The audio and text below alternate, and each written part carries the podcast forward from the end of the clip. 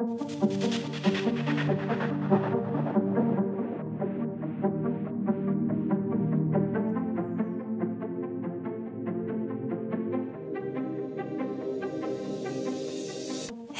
det här är Professorpodden och det här avsnittet kommer att handla om fängelseyoga och en helt annan grej. Det kommer att handla om ADHD och smärta hos barn och ungdomar. Jag heter Karin Gyllenklev och jag säger välkommen till Nora Kerekesh. Tack. Hallå! Hej! Hur mår du idag? Jo, jag mår bra, tror jag. Ja. Det är lite spännande att vara här, så adrenalin är högst upp i mig just nu och skakar. Det är en lite ovanlig situation, men jättetrevligt. Ja, är det din första poddinspelning? Yes, Ja. det är den.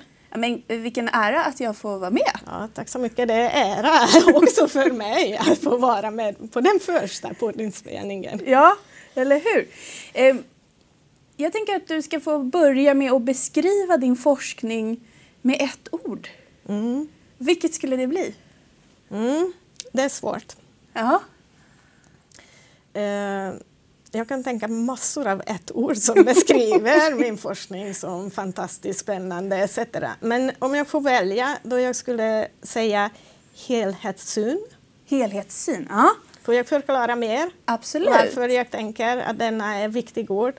Och då jag tänker att eh, du vet att jag forskar inom psykiatri. Mm. Och då övergripande målet av min forskning är att minska människors lidande påverka deras psykisk ohälsa till den bättre. Mm. Men jag vill göra detta med att se hela personen. Mm. Eh, och därför mitt ett ord skulle vara helhetssyn. Ja, men är det någon slags tanke då, kropp och själ, eller att Ja. det liksom hänger, hänger samman? Ja, precis. Det, kropp och själ är en sak. Den andra som jag tänker är till exempel att eh, se många olika psykiatriska sju- sjukdomar tillsammans. Det är också jätteviktigt för min forskning att inte behandla bara ett och ett, men att kunna se samexisterande psykiatriska sjukdomar och erbjuda så kallad integrerad vård när man behandlar hela personen och inte en och en och en av det. Och den tredje som är jätteviktig för mig också bredvid kropp och själ och sen många samexisterande problem, att man också ser helheten att det finns lite mer än bara farmakologiska behandlingar. Mm. Och komplementärmedicin som kompletterar medicinska behandlingar också är en viktig del av min forskning. Mm. Vi ska ju faktiskt prata nu om, eh, om yoga. Faktiskt. Det kan man säga är en komplementär behandling. Ja. Em, och du har ju varit med och utvärderat yogas effekt på människor som sitter i fängelse. Vad var målet med studien? Eh, väl, yogastudiens mål var att undersöka hur regelbundet yoga eh, förändrar eh, människors känslor, beteende Mm. och välmående. Och då har vi fokuserat på en specifik grupp och det var fängelseintagna. Ja. Eh, ja, jag, den är som du säger, det är också en del av som jag pratat komplementär medicinsk behandling, men som jag tyckte också är jätteviktigt att vi tittar inte bara en problem hos dessa intagna, men att vi tittar hela paletten, samexisterande problemet, beteendestörningar och psykisk ohälsa i sitt helhet. Ja. Och, eh, man hade haft yoga på, eh, eller i, inom fångvården tidigare men det var lite som att ni fick i uppdrag att se Ger det här verkligen någon effekt? Ja, det, I den tiden har jag jobbat inom kriminalvård eh, med forskning och utveckling som forskningsledare. Och så, ja, jag antar det är ekonomisk orsak att man vill se att eh, gör vi någonting, är det värt att fortsätta eller inte? Är det värt att satsa på detta verksamhet eller inte? Så fick vi detta uppdrag att utvärdera fungerar yoga Ja. inom kriminalvården och i så fall hur det fungerar. Eh, tidigare har de fått eh, mer beskrivningar både från intagna och eh, de kriminalvårdare som faktiskt är yogainspiratörer mm. inom kriminalvården som beskriver att ja, de som deltar i yoga mår bättre, sover bättre. Men det är ingen evidens om en, en personer berättar. Eh, det når ju inte en hög evidensnivå. Nej, man behöver siffror och ja. mycket data. Exakt, och då sagt vi att gör vi någonting så gör vi stort och gör vi det bra mm. så har vi planerat faktiskt eh, idag en av världens, om inte världens eh, största så kallat randomiserat kontrollerat studie eh, att utvärdera yogans effekt. Eh, och Får jag förklara eller behöver jag förklara vad är randomiserat kontrollerad studie? Du behöver inte förklara det, men däremot så tror jag att alla mm. undrar vad, gav det någon bra effekt? Mm. Var det positivt? Mm. Ja, yoga. Vad vi har tittat på är att vi har tittat på intagnas ja, välbefinnande, känslor och beteende. De intagna som hade möjlighet att eh, göra under tio veckor mm. eh, varje vecka yogaövningar. Och jämförde vi också med intagna som har gjort annan typ av fysisk aktivitet under detta tio veckor. Mm. Så vi visste att det är inte vilken som helst fysisk aktivitet som skulle ge förändringar om vi kan mäta någonting. Mm. Så mätte vi olika variabler, olika faktorer på början och slutet av studien så vad vi har fått se är var inte oförväntat på något sätt. Och det var den att de intagna som deltar i yoga sover bättre, mm. har mindre stress, upplever mindre stress, har mera positiva känslor. Men också som var jätteviktigt resultat för kriminalvården, mm. att vi såg att intagna som gör yoga, de har en minskat aggressiv och antisocial beteende. Och det är ju naturligtvis otroligt viktigt inom kriminalvårdsmiljö mm. att intagna blir mindre aggressiva och har mindre antisocialt beteende. Och sen det som var mest oförväntat för oss, att vi har mätt uppmärksamhet mm. och impulskontroll eh, hos intagna. Mm. Och så tänkte vi, ja, kan vi mäta något resultat? Och den största förändringen faktiskt som yoga resulterat är att de intagna som deltar regelbundet i yoga ökar sin impulskontroll mm. signifikant och ökar deras uppmärksamhet, kan mm. bibehålla uppmärksamheten mycket längre. Många olika fördelar ändå ja. som det kan ge. Många olika fördelar och eh, som sagt, många av dessa är otroligt viktiga just för denna studiepopulation att vara fängelseintagen. Ja. För att kunna uppehålla uppmärksamheten längre. Det betyder ju till exempel att man kan delta mer i kriminalvårds olika behandlingsprogrammer. Mm. Man kan ta emot mer av informationen. Just. Men att kunna ha lägre aggressivt beteende, känna sig mindre utagerande och negativ, mer positiv och lugn, eh, sova bättre. Allt dessa på andra sidan tillhör att det blir en, en, en tryggare, bättre miljö mm. inom kriminalvården. För de som jobbar För det tänkte jag också, eh, om någon lyssnar nu och tänker jaha, men om man sitter i fängelse då, då kanske man rätt åt dem att de har lite mm. psykisk ohälsa, att det mm. kan vara en del av straffet. Men det här är ju liksom större än så på något vis. Ja, det är mycket större måste jag ja. säga. Alltså att, att ge eller orsaka psykisk ohälsa, det är ingen straff. Det är ingen som förtjänar detta. Tvärtom, vi vet att det, det är välkänt att intagna, fängelseintagna har dålig eh, psykisk hälsa. Mm. Eh, och den dålig psykisk hälsa kopplas till missbruk och kriminalitet. Mm.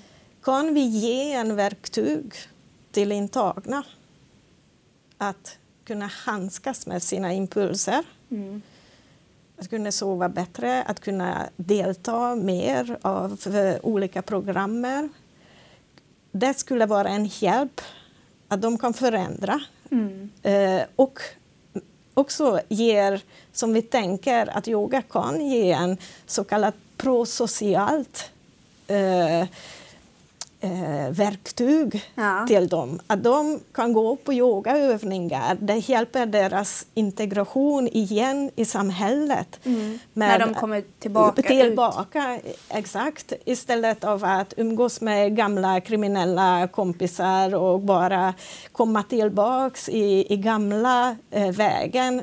Det kan erbjuda någonting positivt, nytt eh, miljö för dem, för integration. En. Den andra är också att har den verkligen så stark effekt på välbefinnande Mm. ökar man impulskontrollen, mår man bättre, sover bättre. Dessa är otroligt viktiga för att minska chansen att man återfaller Mm. i både missbruk men också kriminalitet.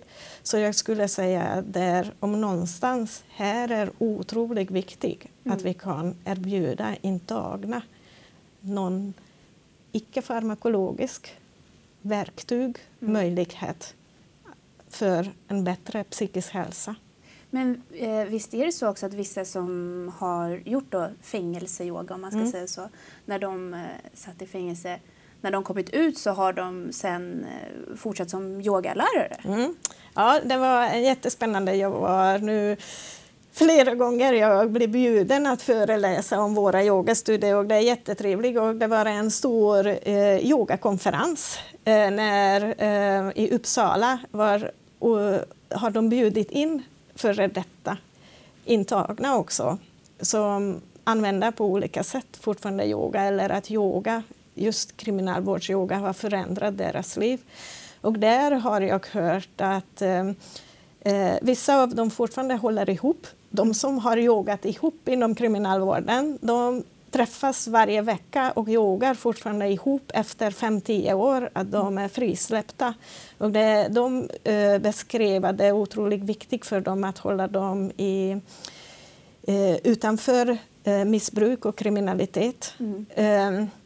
Sen har jag träffat också en av intagna som faktiskt eh, utbildade sig eh, för att bli yogainspiratör och nu åker han runt i hela Sverige till un olika ungdomshem Mm.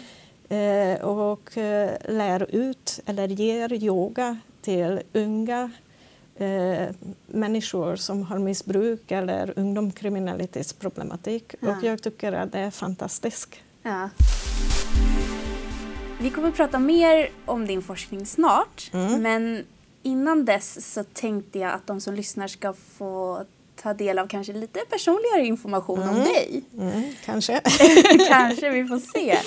Eh, och då går den här lilla delen ut på att du ska få avsluta mina meningar. Mm. Eh, så då börjar jag. Okej.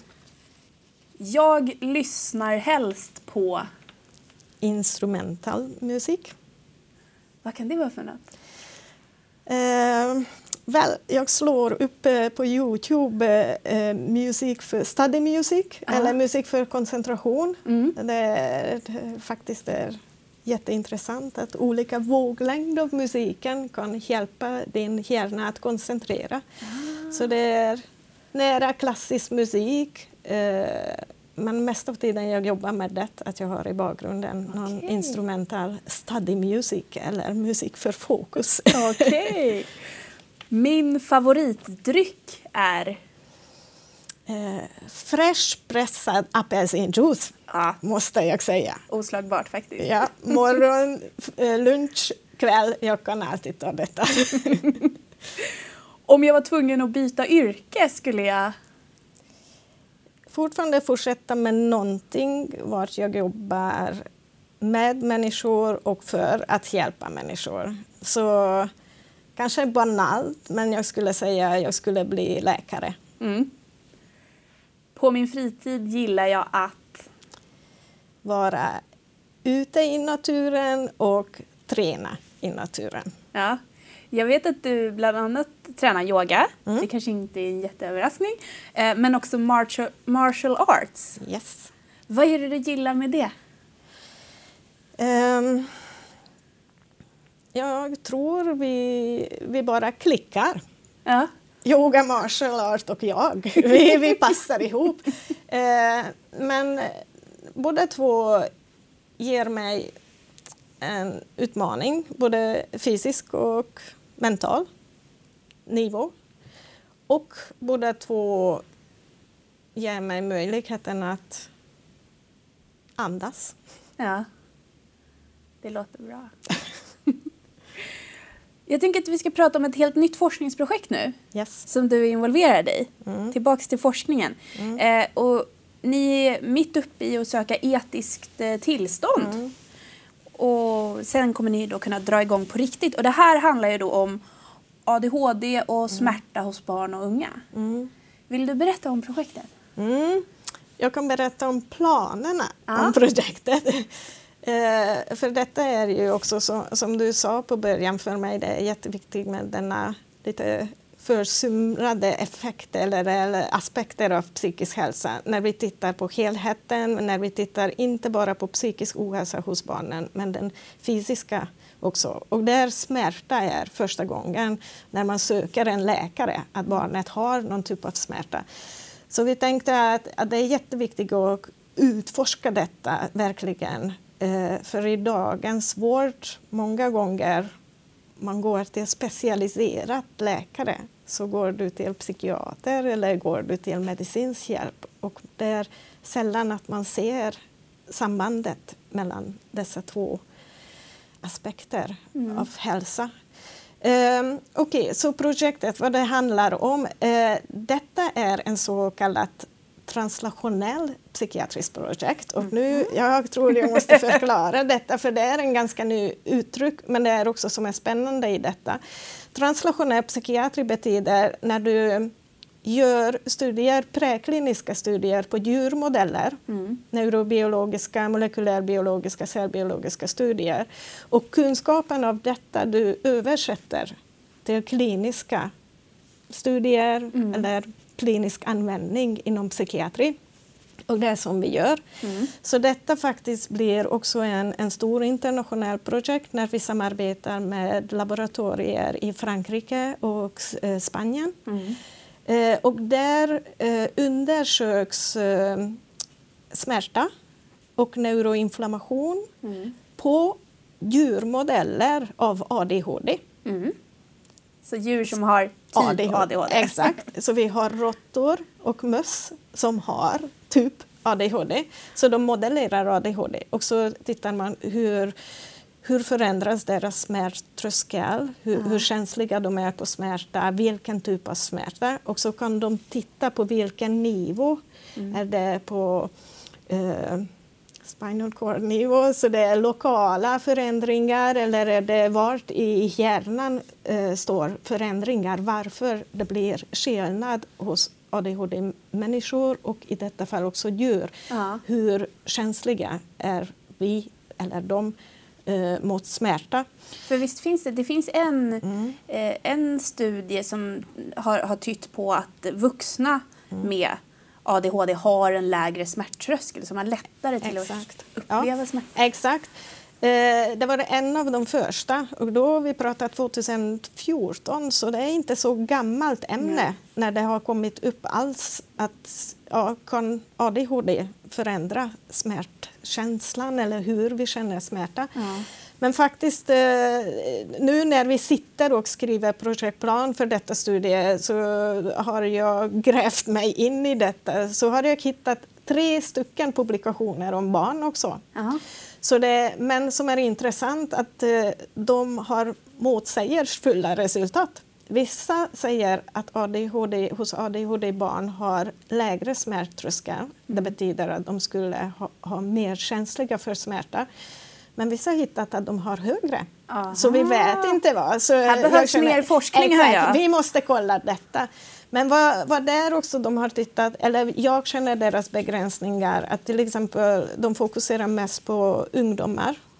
Eh, och vi är intresserade av barn 6 till 10 år. Eh, flera av dem fokuserar bara på pojkar. ADHD ju är mer frekvent hos eh, pojkar. Eller manliga eh, populationen. Mm. Eh, så vi tycker att jo, vi måste fokusera också hur tjejer med ADHD och även de som har predominant attention problem, så Ja. ADD, det betyder att de har huvudsakliga Uppmärksamhets- uppmärksamhetsproblem och inte denna hyperaktivitetsproblem som, som är viktig för i hela symptomologi av ADHD. Hur förändra, förändras det smärta eller inte?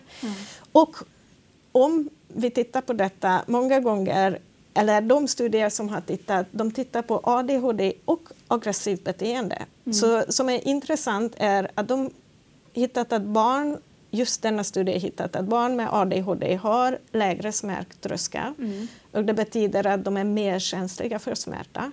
Men om ett barn eh, har ADHD och har också aggressiv antisocial beteende, uppförandestörning, då denna barn ska ha högre smärttröskel. Det betyder att de inte känner smärta så ofta. Och de, deras teori att ha en förhöjd smärttröskel blir riskfaktor för dessa barn att utveckla en antisocialt aggressivt beteende eller antisocial personlighetsstörning. Ja. Så det är jätte, jätteintressant.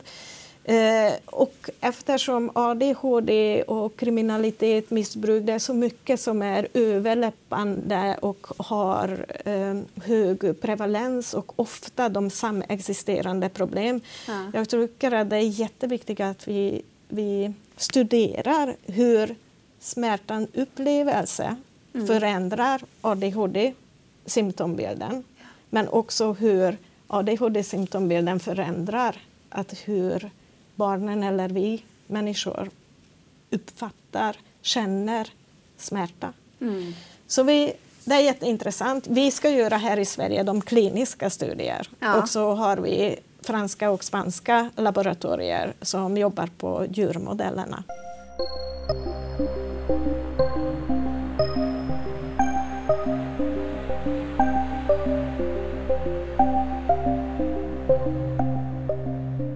Vad spännande. Och nu har vi ju nu har vi slut på tid.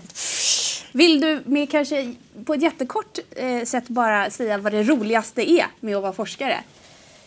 Eh, roligaste är att, för mig, att det är aldrig slut, Mm. tycker jag. Att man måste vara en, ha en endless nyfikenhet. Varje gång man hittar ett svar så kommer tusen nya frågor. Ja. Och det som jag lärt mig att vara forskare, eller jag blev som forskare, är ödmjukhet. För jag lärt mig att mer och mer jag vet, det visar mig hur liten jag verkligen kan. Ja. Det finns alltid enorma mängder mer att kunna och lära sig. Det finns aldrig slut av detta. Man kan aldrig allt. Nora, tusen tack för det här samtalet. Tack snälla för inbjudan.